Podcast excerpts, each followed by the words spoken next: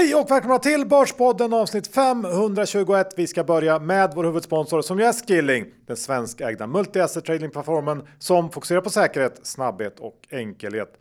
Och John, idag ska fokus ligga på den kanske största marknaden av dem alla. Jag tänker såklart på Forex-marknaden, eller vad brukar man säga? FX trading säger proffsen och det är ju såklart valutahandel eh, som du just nämnde och kanske ska vi lägga lite extra fokus på eh, pundet mot dollarn-spreaden, eh, för den är ju väldigt frekvent eh, handlad av traders. Ja, enorm volym går där varje dag. Och berätta, vad är intressant där nu? Nej, men det verkar faktiskt så att eh, UK har fått ordning på sin inflation och eh, det här då kan indikera att UKs ekonomi kommer gå lite bättre än eh, väntat faktiskt och det skulle då innebära att pundet stärks mot dollarn.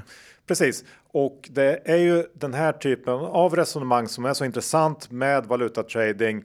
Eh, allting återspeglas i valutakurserna och man kan ju ta då via skilling position i bägge riktningar, både lång och kort och det är väldigt enkelt att göra det. Och det är inte bara den här spreaden ska ju sägas, utan det finns ju otroliga mängder eh, valutaspreadar att trada hos Skilling. Så är det. Och dessutom så kan man ju numera göra detta i en kapitalförsäkring. För Skilling har en kapitalförsäkringslösning i samarbete med Hubins. Den är väldigt enkel att öppna. Det kostar ingenting utan det är först när man gör sin första insättning som avgifterna börjar löpa och eh, det krävs minst 250 000 i första insättning. Eh, men man slipper ju såklart allt krångel med deklaration och sånt där så att eh, det här gillar vi. Verkligen, Skilling är fantastiska. Gå in på deras hemsida eller ladda ner appen. Precis, men kom ihåg att 82% av retailkunder förlorar pengarna om man handlar efter så bör skilling.com för en fullständig ansvarsfri skrivning. Och med det så säger vi ett stort tack till Skilling! Det är onsdag igen John och vad innebär det? Det innebär Börspodden i sin absoluta toppform. Är det så? Jag hoppas det, för jag känner mig i bra form och jag ser nu när index har kommit ner att du också är i toppform. Så är det, vi kör. Johan Dr. Bass Isaksson index är 21,72 och vi är ju nu under så kallade has-been nivåer. Det måste kännas bra för dig.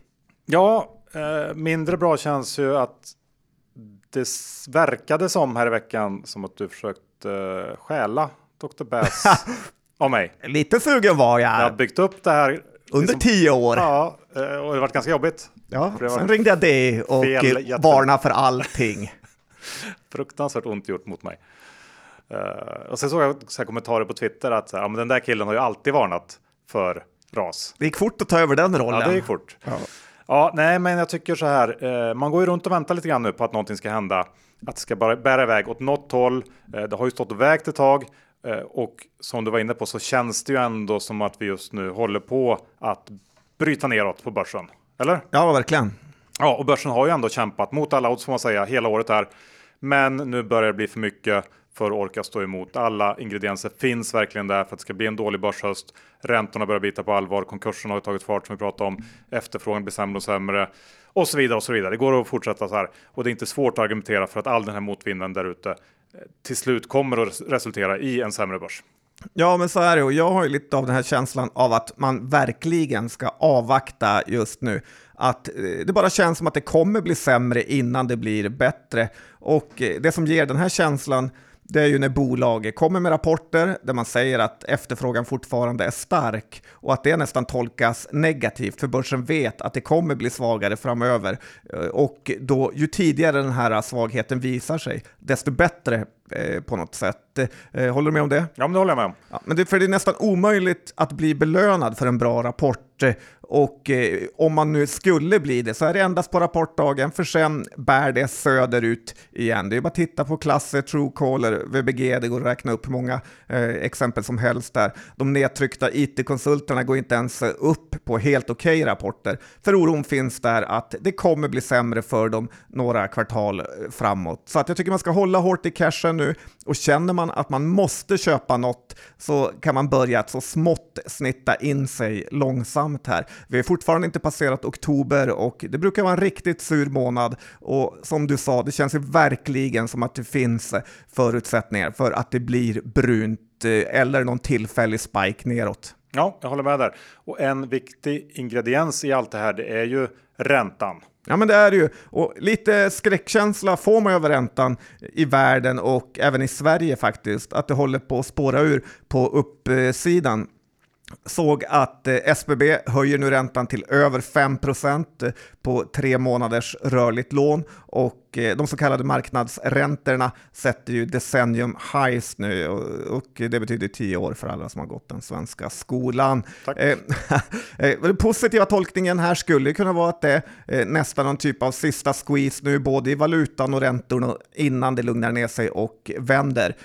Det negativa är ju att ingen vet hur mycket vi kanske kommer få betala för våra minusränteår. Och alla experter, inklusive centralbankerna, eh, har ju hela tiden sagt att det kommer lugna sig framöver, men det blir ju bara värre. Ja, det kanske man inte ska lita på, men jag håller med. Det, det är läskigt det här. Jag tänker vi byter ämne och jag har eh, plockat fram en helt ny kategori och det är veckans eh, Kejsarens nya kläder. Ja, trevligt, trevligt. Den storyn kommer du ihåg? Det gör jag. Att, eh, skrev du inte en krönika om den i uh, Veckans Affärer jo. för väldigt länge sedan? En, Absolut. Något av det bästa du gjort faktiskt. faktiskt. Men det handlar om Zalando har jag för mig. Ja, blev väl kanske sådär. Just den. Just den grejen. Men därför tänkte jag, jag gör ett Bäsa nytt försök. Bäsa näthandel, Iddan den största boomen någonsin. Ja, jag och Kviberg. du, nej, men jag tänker Prova byxor eh, på MQ. Veckans eh, Kejsarens nya kläder, det är ju ändå H2 Green Steel tänker jag. Känns det som att man byter kejsare så här vart 50 år, men du kommer med en ny ja. varje vecka. Ja, det är så små, små kejsare. Små kejsare. Eh, nej men, eh, för några dagar sedan blev det ju klart att... Harald de, Mix gäng, och ja, gänget, eller hur? Ja, att de måste importera malm från Brasilien och Kanada till sitt stålverk i Boden för att få ihop det. Eh, och det följdes ju upp av Bolidens eh, vd Mikael Staffas som slog fast i DI att fossilfritt stål, det är inte fossilfritt, att man måste mäta från början till slut. Eh, och med det menar han väl alltså även utsläppen från eh, i det här fallet då de brasilianska och kanadensiska gruvorna. Och man får nog säga att argumenten för H2 Green Steel och andra sådana här gröna vansinnessatsningar i norr, de minskar i en ganska rask takt nu. Eh, det finns ju inte nog med arbetskraft uppe, det finns inga bostäder.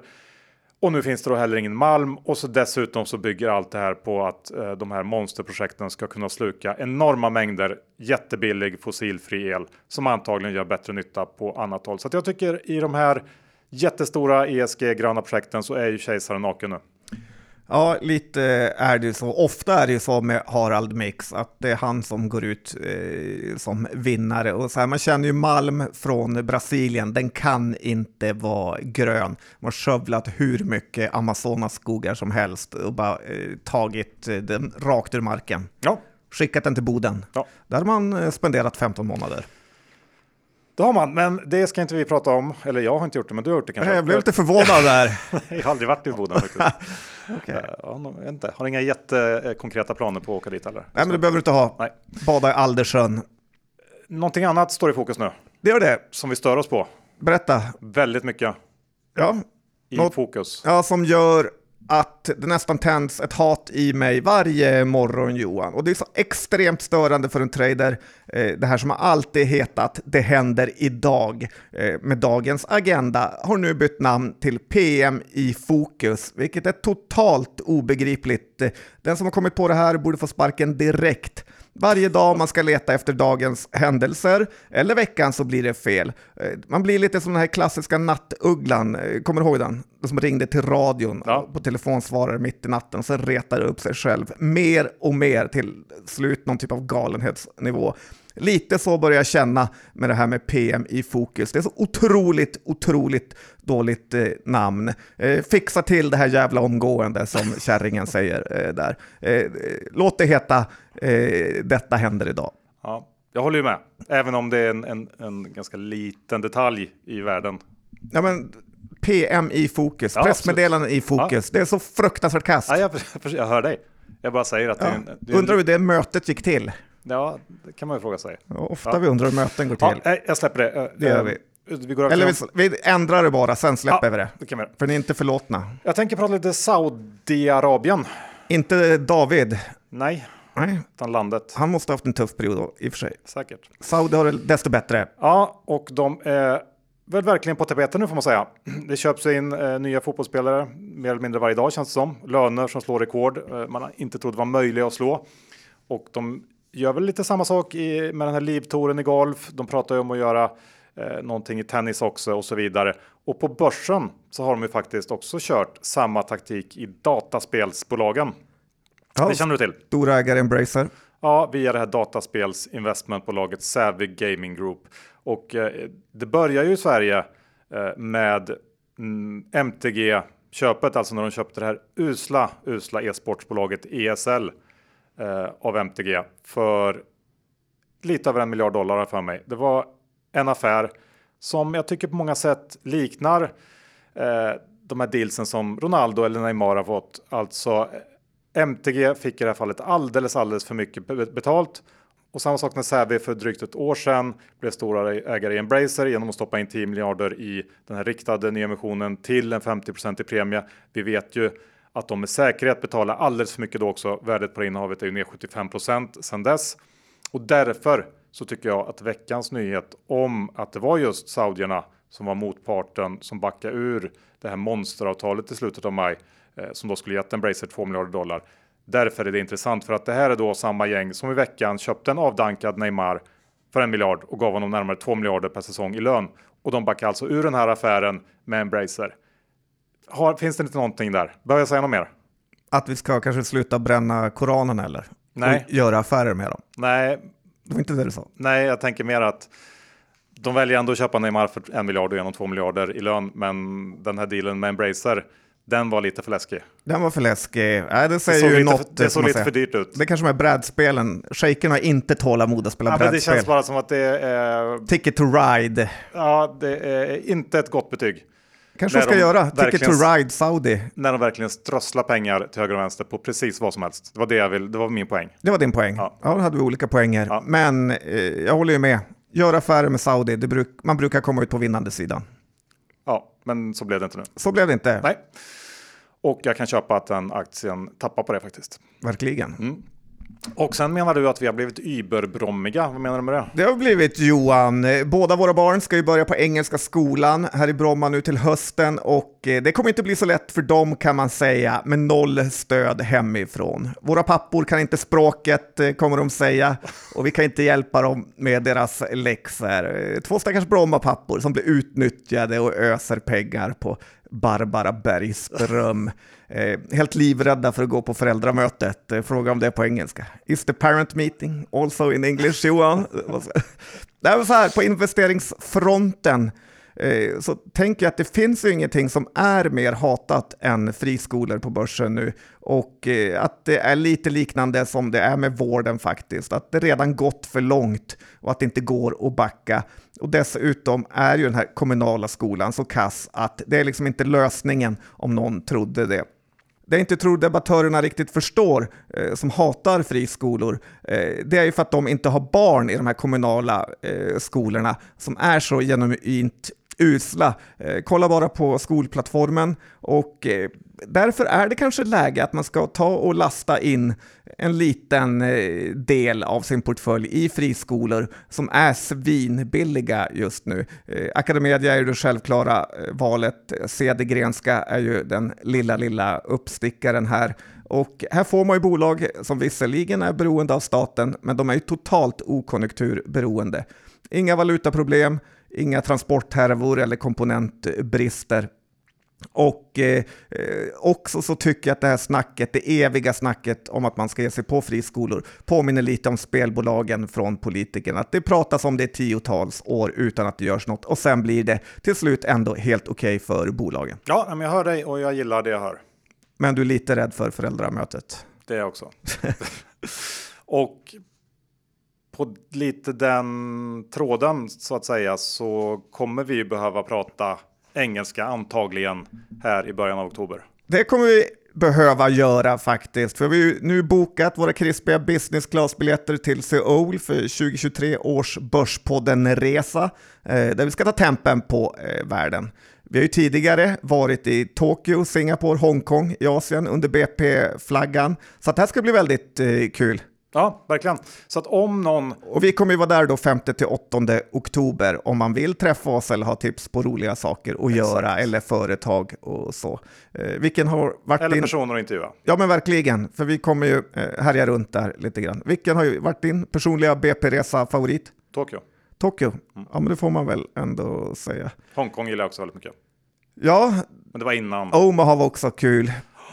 Lite nu när du säger Tokyo så kommer jag på att jag fyllde ju år när vi var i Tokyo. Kommer du ihåg det? Mm, och, så berätt, och så berättade jag det för dig att på morgonen där att eh, eh Johan, idag fyller jag år. Kommer du ihåg vad du sa då? Ja, grattis. Alltså, grattis, du fick utekvällen igår som present. det, var, det var väl bra ändå? Ja, lite småkänslig för mina födelsedagar. det är en följetong det där. Ja, men så i alla fall så hör av er om ni vill tipsa om någonting i Seoul för Börspodden pojkarna. John, vi har denna vecka den stora äran att vara sponsrade av Fidelity. Och Asien är ju som många vet ett av Fidelitys fokusområden. De har 50 års historik av att göra affärer i Asien och det här är en stor marknad. Det är många länder och många investeringstillfällen. Ja, för det är faktiskt så att 60 eh, av jordens befolkning bor i Asien. Ja, det är mer än bara Kina och Indien och Fidelity har ett stort fondutbud och då lokal kännedom, vilket vi uppskattar väldigt mycket. Och hela Fidelity Internationals utbud hittar ni på deras hemsida fidelity.se eller hos de stora handelsplattformarna eller försäkringsbolagen. Vi ska också påminna om att investeringars värde och eventuella intäkter från dem kan både minska och öka. Det kan hända att du inte får tillbaka det investerade kapitalet och historisk avkastning är inte en tillförlitlig indikator för framtida resultat. Våra sponsorer tar inget ansvar för det som sägs i podden och åsikter uttryckta kan redan agerats på och inte längre gälla. Det är också viktigt att läsa prospekt samt KID-dokument och investeringar på tillväxtmarknader kan vara mer volatila än på andra mer utvecklade marknader. Stort tack till Fidelity International! Vi är denna vecka sponsrade av Cameo som är Sveriges främsta investeringsplattform för fastighetslån med ABG som största ägare. Och lånen på Cameo de erbjuder en fast årsränta som inte påverkas av aktiemarknadens svängningar. Snitträntan den ligger på 10 och John eh, kan du berätta någon fördel med Cameo? En extremt stor fördel som jag gillar väldigt mycket är ju att alla investeringar genererar en månadsränta, vilket bidrar till en passiv inkomst. En sak jag gillar som ju är lite mer riskavärt, det är att Cameo besitter en stor expertis inom fastigheter och krediter och har genom åren då utvecklat en gedigen kreditbedömningsprocess och hittills så har det här resulterat i 0% kreditförluster i Sverige. Ja, och jag tycker man ska gå in på deras hemsida Johan och eh, kika in på vilka fastighetsinvesteringar de erbjuder. För det här är populära grejer. Det är fler än vi som har fått upp ögonen för hur bra Cameo är. Ja, eh, till exempel nu så var det ett lån nyligen på 23 miljoner kronor med 11 i årsränta som blev då fulltecknat på bara några minuter. Eh, men även om lånen fylls snabbt så publicerar Cameo regelbundet nya möjligheter. Eh, så passa på att öppna ett konto hos Cameo nu för att ta del av nästa möjlighet och information om det här och vilka projekt som är tillgängliga. Det finns på cameo.se. Men kom ihåg att historisk avkastning, det är ingen garanti för framtida avkastning. Alla investeringar medför risk. Och med det så säger vi ett stort tack till Cameo. Och det har ju faktiskt hänt grejer på bolagsfronten den här veckan också John. Eh, jag vet inte riktigt vad vi ska börja med för det finns så mycket att välja på. Möjligtvis att vi ska ta en titt på eh, den här eh, småspararfavoriten får man väl ändå säga, Hexatronic. Ja, men det vore kul. Som haft ett tufft år. Väldigt tufft år. Och det blev inte bättre igår. Väldigt dåligt blev det igår. De släppte sin Q2 då.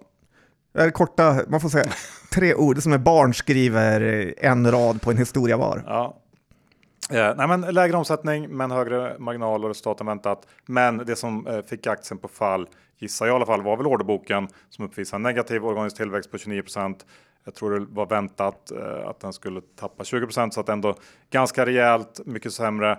Eh, och Hexatronic spår också då att orderboken under året minskar till två månaders försäljning från tidigare tre och att flera marknader visar svag eller ingen tillväxt under andra halvåret.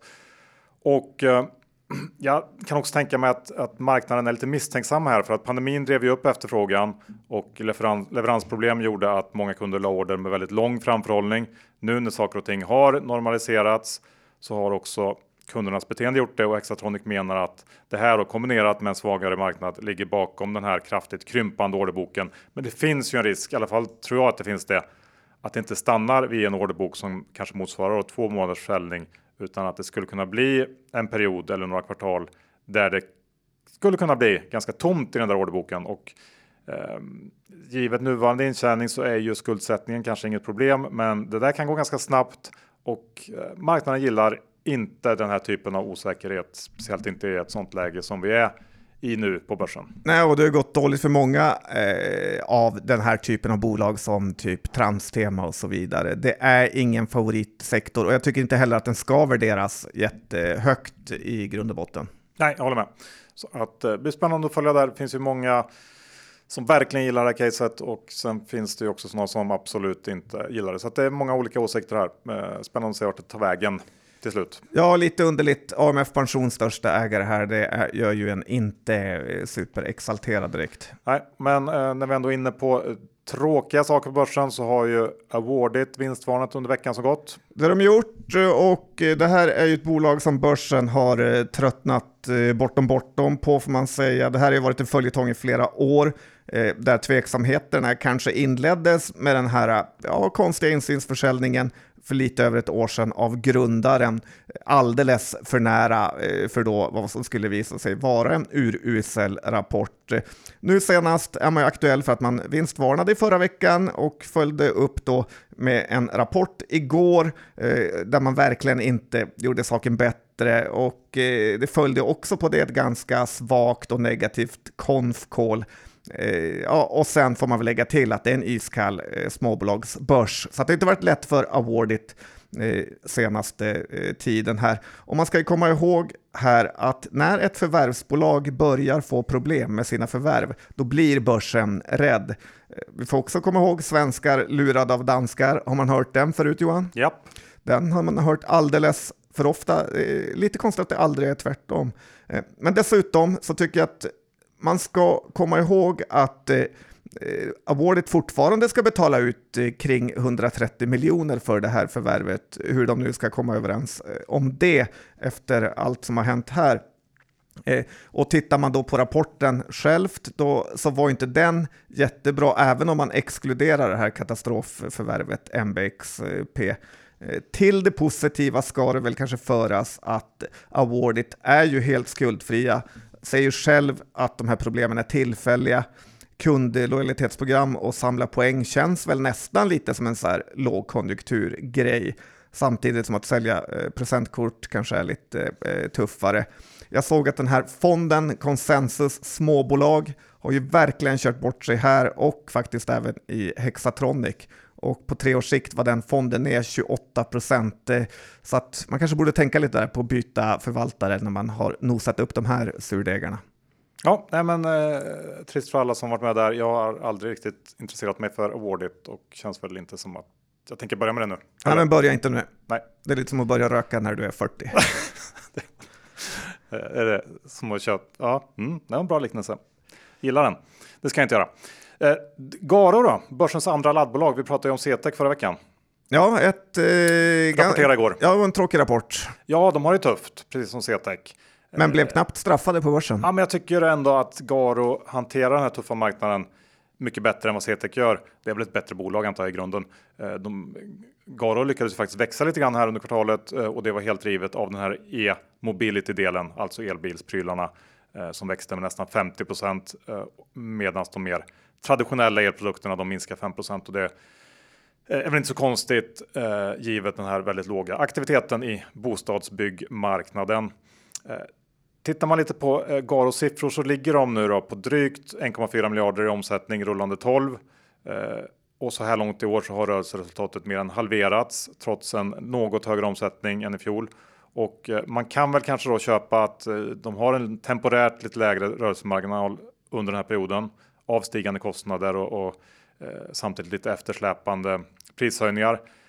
Men problemet är väl att aktien inte har tappat till tillräckligt mycket trots då att den faktiskt är ner nästan 70% under det senaste året. För även om man räknar med någon slags normaliserad marginal i linje med bolagets egna målsättning på 10% så hamnar vi på ev ebit 20 och då har vi ändå ett antal tuffa kvartal framför oss. Eh, så att eh, det är svårt att se något riktigt köpläge här. Den här enorma håsen som var för något år sedan som drev upp aktien till, till väldigt, väldigt höga nivåer. Den har liksom gjort någon slags permanent skada i aktiekursen. Ja, man skulle vilja träffa de som köpte Garo på de här toppnivåerna, höra hur de tänkte och sen ta ifrån dem börskörkortet för att de tänkte helt, helt fel. Vi har ju varnat länge för den absurda värderingen här och det känns väldigt skönt att vi har fått rätt och att de som har eh, håsat Garo har fått fel och straffas. Också. Ja, men så är det. Den, den är ju fortfarande ganska gillad känns det som, på något sätt. Och det, det är väl, men det är väl ett bra bolag, bara det att värderingen har spårat. Ja, så nu är det, handlar det om att man ska göra en typ halveras igen, vilket den borde göra för att bli riktigt intressant. Eller ska den bara ligga här och få växa i sin värdering i, under tre år? Jag vet inte. Det låter inte jättekul. Oavsett eh, något det, av dem. Oavsett så är det inte någonting som lockar till köp. Nej, Nej. håller borta från Garo. Jag vill höra lite om vad som händer i Pandora, för de eh, gick väl ut med lite höjd guidance och sådär i veckan va? Ja, Pandora är ju ganska eh, kul att titta på. För lite, lite din vill... nisch. ja, men jag älskar ju smycken Johan. Eh, lite vill man ju skratta hur vi i Sverige ändå blir utklassade av danskarna i alla kategorier, men eh, främst börsen här då sista tiden. Och Pandora levererade ju en bra rapport igår och nu är ju Pandora, vet du hur mycket den är uppe i år? Nej, ingen aning. 20 procent? 41 procent. Ja. Och eh, då får man säga att det är danska procent om man får säga så. Alltså man får lägga till. Är de annorlunda? Nej, men mer att du får lägga till valutavinsten också här. Så att det blir fruktansvärt eh, bra. Och Pandora har ju verkligen lyckats med sina produkter.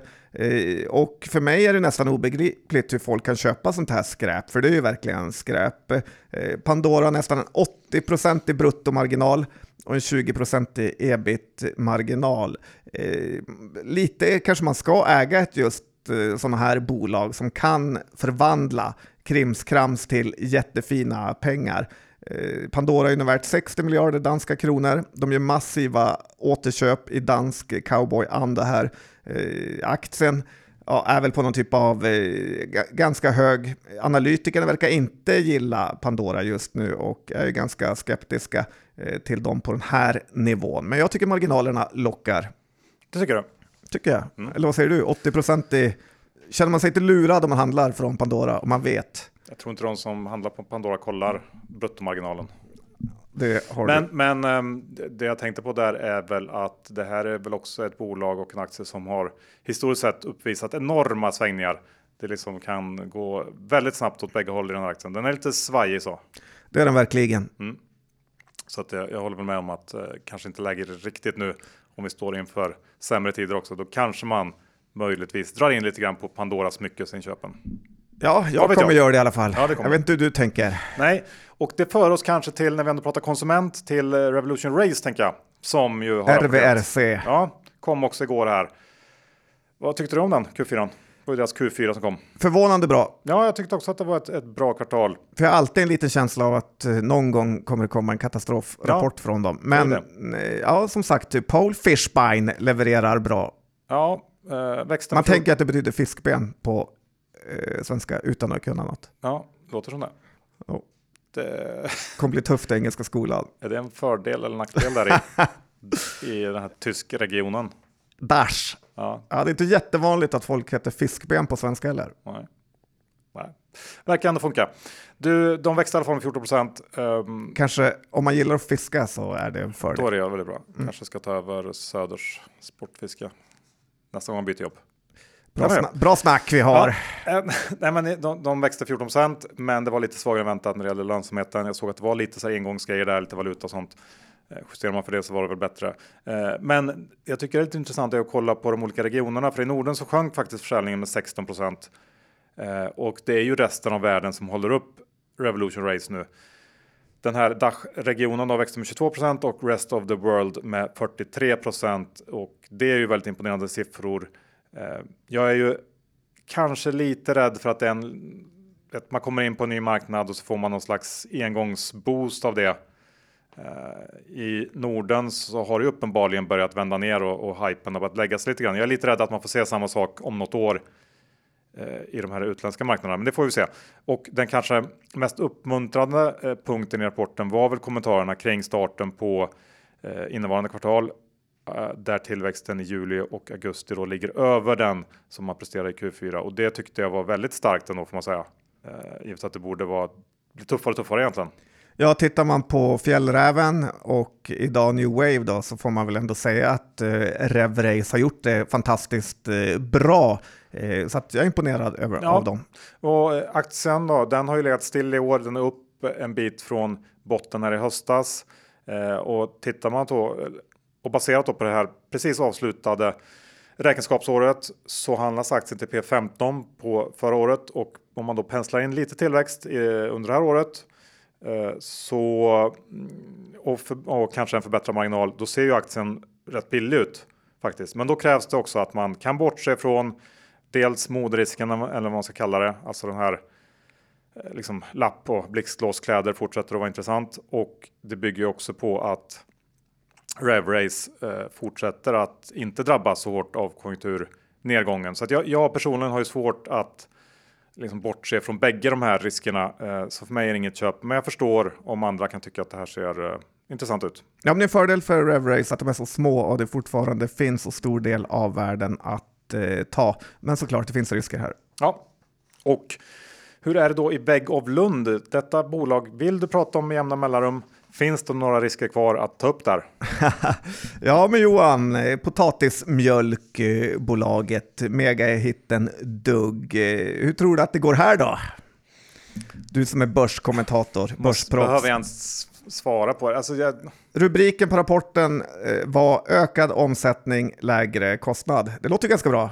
ja, det låter bra. Eh, Det skulle man ju kunna gilla om man bara behövde läsa rubriken. Tyvärr måste man ju faktiskt eh, läsa hela rapporten och då tycker jag nog att rubriken kanske borde vara något i stil med ännu ett katastrofkvartal. Eh, Jag skulle kunna säga mycket värre saker, men jag stannar här. Man säljer saker för 1,4 och det är väl deras potatismjölk då, för 1,4 miljoner, vilket är ju mindre Ändå än, bra gjort. Ja, mindre än en halv miljon i månaden. Och så Ja, men har, jag tänker att sälja potatismjölk för 1,4 miljoner. Ja, så är det. Men, eh, Man har utgifter på nästan 8 miljoner. Lite uppförsbacke med det. Ja, och nu i dagarna så påbörjas ytterligare en nyemission. Och eh, allt leds då av Fredrik Karling som börjar väl bli någon typ av kontraktsmördare av företag i Skåne. Åker runt och kör företag i botten. Eh, Hövding körde han ju några år med brakförluster, inte en tanke på att gå med vinst. Och nu gör han om samma grej fast med potatismjölk. Det är två rätt närliggande verksamheter så att man förstår ju att han tackade ja till Han det vet här vad han gör jobbet. och han gör det bra. Ja, det får man ändå säga. Och jag skulle kunna fortsätta vara elak länge här. Eh, Jag har det i mig. Men jag tycker inte värdigt vår podd att slösa tid på ett sånt här företag. Men tipset är ju att inte teckna i den här eh, nyemissionen för guds skull. Nej. Eh, det enda jag saknar faktiskt med eh, det här caset det är någon typ av Helene Rothstein live-reportage från det här experimentköket som Vägg of Lund har. Och de pratar så mycket om att hon gick runt där och lyfte på olika grytor, vad som stod och puttrade. Det var morotsmjölk i en och så vidare. Det hade ändå kunnat varit något. Det hade du kunnat. Hon missade. Jag hade ju velat se, jag är ju fortfarande jätteintresserad av hur det går till när man mjölkar eller pressar ut den här potatismjölken då, ur potatisen. Ja, det är något att få lägga upp. Det är något lite så här äckelhärligt med känslan. Ja, Jag ser den här potatismjölkspressen. vad är det härliga i det? Det är mest äckligt. Där rinner ut potatissaft. Ja, vill Ja, gå nej. vidare. Du, eh, vad ska vi gå vidare till då? Jo, det glömde vi kanske när vi pratade om Revolution Race, men New Wave, det är ju lite närliggande. Får man verkligen säga. Ja. Och, eh, Tufft dag för dem idag. Ja, New Wave och Torsten har ju rapporterat nu på morgonen. Eh, så här, stark rapport, men det börjar sakta in. Det kan man väl säga som rubrik, även för Torsten. Marginalen sjönk lite och tillväxten är lägre eh, nu i Q2 än under Q1. Och den stora grejen att ta med sig från den här rapporten, tycker jag, det är väl att Torsten nu pratar om att kommande två, tre kvartal kommer att vara utmanande. Och det är en ganska stor förändring jämfört med hur det lät eh, i Q1. Så det har alltså hänt eh, någonting under kvartalet som börjar märkas på riktigt i affären nu. Och eh, börsen har ju redan innan börjat ta höjd för det här. Eh, även om man räknar med en hyfsad resultatnedgång nästa år så ser aktien inte särskilt dyr, ut- dyr ut. Men med det sagt så är det ju aldrig kul att äga bolag som är i en sån här negativ eh, trend på något sätt eller resultatmässigt negativ trend. Så att det, ja, jag vet inte. Det är också lite så här jobbigt läge för New Wave tycker jag.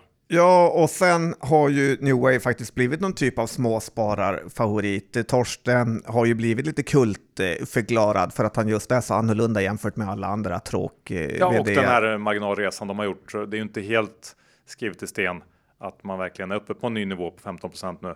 Mm, som man aldrig faktiskt varit på innan. Så det finns ju en del osäkerhet. Lite för också känslan av att Torsten leker med analytikerna, att han skriver lite olika saker, mm. lite varannan dags rapporter sådär, eh, så köper han lite aktier. Han, han, jag känner att han inte respekterar dem lite, utan han eh, gör som han själv vill och det gillar man ju också. Ja, det tror jag verkligen han gör. Men om de, vinsten skulle sjunka lite grann, det är ju som du sa, det är inte dyrt. Det här är ju eh, ett kvalitetsbygge som man snarare ska plocka upp på dippar. Frågan hur djup dippen blir. Ja, och motsatsen till det, det är ju Hifab.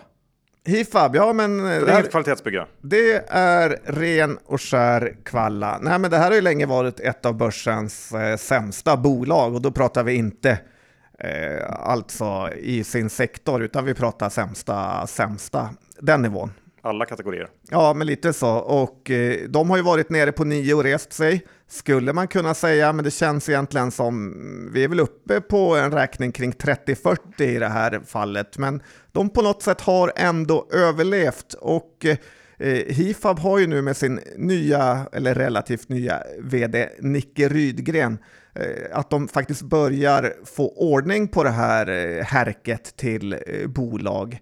Man är uppe på sina bästa nivåer sedan 2015 aktiekursmässigt och det är ganska bra i den här konsultmarknaden får man ju säga. Bara att man heter Nicke och har uppkavlade ärmar i vd-ordet gör ju att man förstår ju att det här är en turnaround-kille Johan. Verkligen. Han är inte rädd för att hugga i. En, la en lampa behöver fixas, ja, Nicke gör det. Stopp i avloppet, ja, ring Nicke. Och jag vet inte om det är så, men det känns verkligen som att han är den typen. Och att perso personalen har fått ett rejält eh, förtroende för att han alltid jobbar hårdast. Så du har vänt lite grann här då? Ja, men jag tycker att det var en kul rapport och eh, jag gillar den här approachen Nicke har i eh, sina vd-ord. Och det ska väl ändå sägas att eftersom Hifab är inriktade mot projektplanering för fastigheter och bygg även om de har andra ben så är inte direkt faran över för det här bolaget. Men jag tycker ändå att det är kul att det faktiskt går att vända bolag. Eh, och man ska komma ihåg, är det någonstans det går att göra så är det faktiskt inom konsultbranschen. Jag fastnar lite på en sak. Du sa att du gillar den här inriktningen han har i sina vd. Är det något sånt här lite tokroligt som Stena håller på med? Är det den typen av Nej, det är inget sånt, utan Nej. det är mer bilden jag tänkte på. Uppkavlade ja. ärmar och kalla sig för Nicke. Bra. Känns som att han jobbat på så här bil, Ryds bilglas innan och sadlat om. Ville bara dubbelchecka där. För då hade det kunnat... Eh... Då, då, går det liksom varningslampan igång hos mig. Men då behöver det inte bli så den här gången, utan eh, då tar vi med oss det. Hifab har en nicke på plats. Eh, jag känner också att vi eh, lite snabbt måste beröra veckans händelser i Truecaller. Ja. Jaha. Du vet vad som har hänt i veckan? Det har varit lite blankare snack och aktien har fortsatt ner. Ja, Eh, den här nya indiska datalagen antogs av parlamentet och det har ju då skapat en hel del oro kring hur det eventuellt kommer att slå mot Truecallers affär. Och på ena sidan så har vi då socialarbetare Perring. Ja. Vet, han som blev upptäckt. Men han, väl, han växer väl i och med haverierna i Hexatronic här. Ja, men där har de väl inte släppt någonting utan mer sagt att de... Ja, visst, det håller jag med om. Uh, om det nu är så att de uh, har någonting och Korta. det gör mig också orolig för Truecaller. Ja. Även om han är socialarbetare Johan. Ja, men han, och dina barn går på engelska skolan. Han svingar i alla fall vilt och aggressivt och menar då att stora delar av databasen måste bort för att Truecaller ska vara compliant med de här nya, den nya lagen och Truecaller å sin sida menar att den absoluta merparten av all data som har samlats in, den har gjort det med samtycke eller så är det sån data som inte påverkas lagen. Eh, och för den återstående delen som då står för mindre än 20% av samtalen och 10% av meddelanden så menar Truecaller att det finns berättigade skäl för att samla in och bearbeta datan som man gör idag. Men menar också att man är förberedda på ett scenario där den här kategorin ändå kan påverkas av den nya lagen och som jag tolkar det så finns det i så fall lite olika sätt att komma runt det här utan att det ger någon större påverkan. Eh, så att eh, det, det finns lite olika sätt att se på det här. Eh, Truecaller tar också upp Nigeria där man har nyligen infört liknande lagstiftning utan att det har påverkat Truecaller eh, alls, utan de växer på där lika starkt som innan. Så frågan är vad man ska tro om det här. Ja, lite Vill du kul att du har blivit en uh, Indien-expert. Ja, Ja, jag, alltid älskat Indien. Ja, det, ja, du skulle eh, sticka ut där, men eh, jag kommer att tänka på när vi var och träffade Truecaller Ja, och eh, vdn och någon teknikchef och så vidare. Ja. Och, och jag berättade, eller eh, försökte få svar på den här frågan om alla nummer kom från Pizza Hut som var fake för att folk ville ha rabatter. Kommer du ihåg det? Ja. Fast jag berättade på engelska. Ja. Och indier, ah, aldrig sett någon kille som såg så förvånad ut. Han fattar ingenting. nej, det var nog inte många som fattade. Det är lite skamkänslor när jag tänker på det. Ja, nej, men det, är så här, det finns ju alltid ett visst mått av osäkerhet när den här typen av förändringar sker. Eh, jag har försökt läsa den här lagtexten, kan inte säga att jag gör någon annan tolkning än, än vad Truecaller gör, men det är ju först när lagen implementeras som man verkligen kommer att veta hur det slår. Och eh, det är ju såklart ett gyllene tillfälle för en firma som Viceroy och, och liksom ytterligare späda på osäkerheten. För ingen eh, förvaltare till exempel vill ju ta risken att hamna i någon slags indisk regleringshärva. Eh, då är det ju mycket enklare att bara eh, avstå. Eh, Å andra sidan så har jag också tänkt att det bör ju bli betydligt mycket svårare för utmanare att bygga upp en databas som motsvarar den som Truecaller har i och med den här nya lagen. Och det i sig eh, skulle kunna skapa någon slags ganska rejäl vallgrav för, för Truecaller. Så att, eh, jag, jag tycker att det ändå är eh, jag har köpt lite mer aktier under den senaste veckan. Jag tror att oron är överdriven och jag tycker att den långsiktiga liksom, tillväxtstoryn är för bra för att eh, missa helt enkelt. Så att jag eh, står på alla hans sida och hoppas att de har läget under kontroll. Ja, men det är jag också. Jag också äger aktier där och BP-fonden. Eh, Så att jag hoppas Oj, det är en att fond nu. kanske blir det lanseras. Härligt.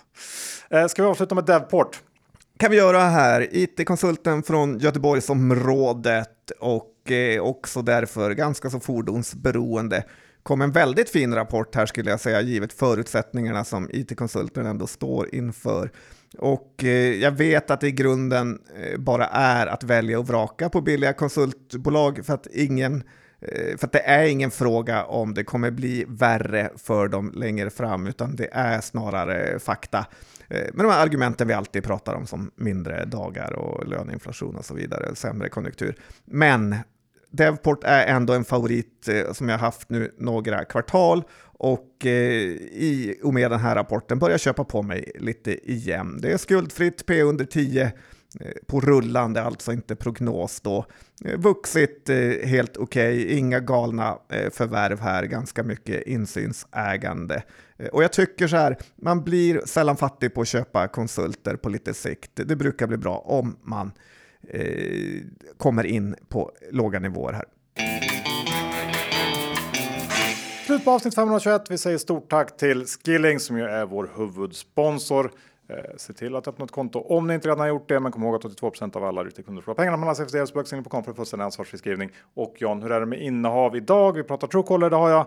I övrigt så äger inte jag så mycket av det vi har pratat om. Hur ser det ut för dig? Jag har lite tradingpositioner i RVRC och i eh, New Wave. Sen har jag också eh, Truecaller, eh, Devport eh, pratar vi också om, så där har jag en, eh, lite aktier. Jag har tjuvstartat lite. Köpt in. Ja, det var rapport igår. Ja, men jag tänkte det du pratade om i början att man skulle kanske man kunde börja kanske köpa lite aktier nu. Ja, men, eh, Då har du köpt massa aktier helt plötsligt. nej, men jag tänkte att jag ska köpa jättemycket om det blir börskrasch. Som man ofta tänker. Sen panikerar man på botten istället. Exakt. Usch, nej, nu ska vi inte prata mer om det, utan vi säger tack för att ni lyssnade. Hörs om en vecka igen. Hej då! Det gör vi. Ha det bra! Hej då!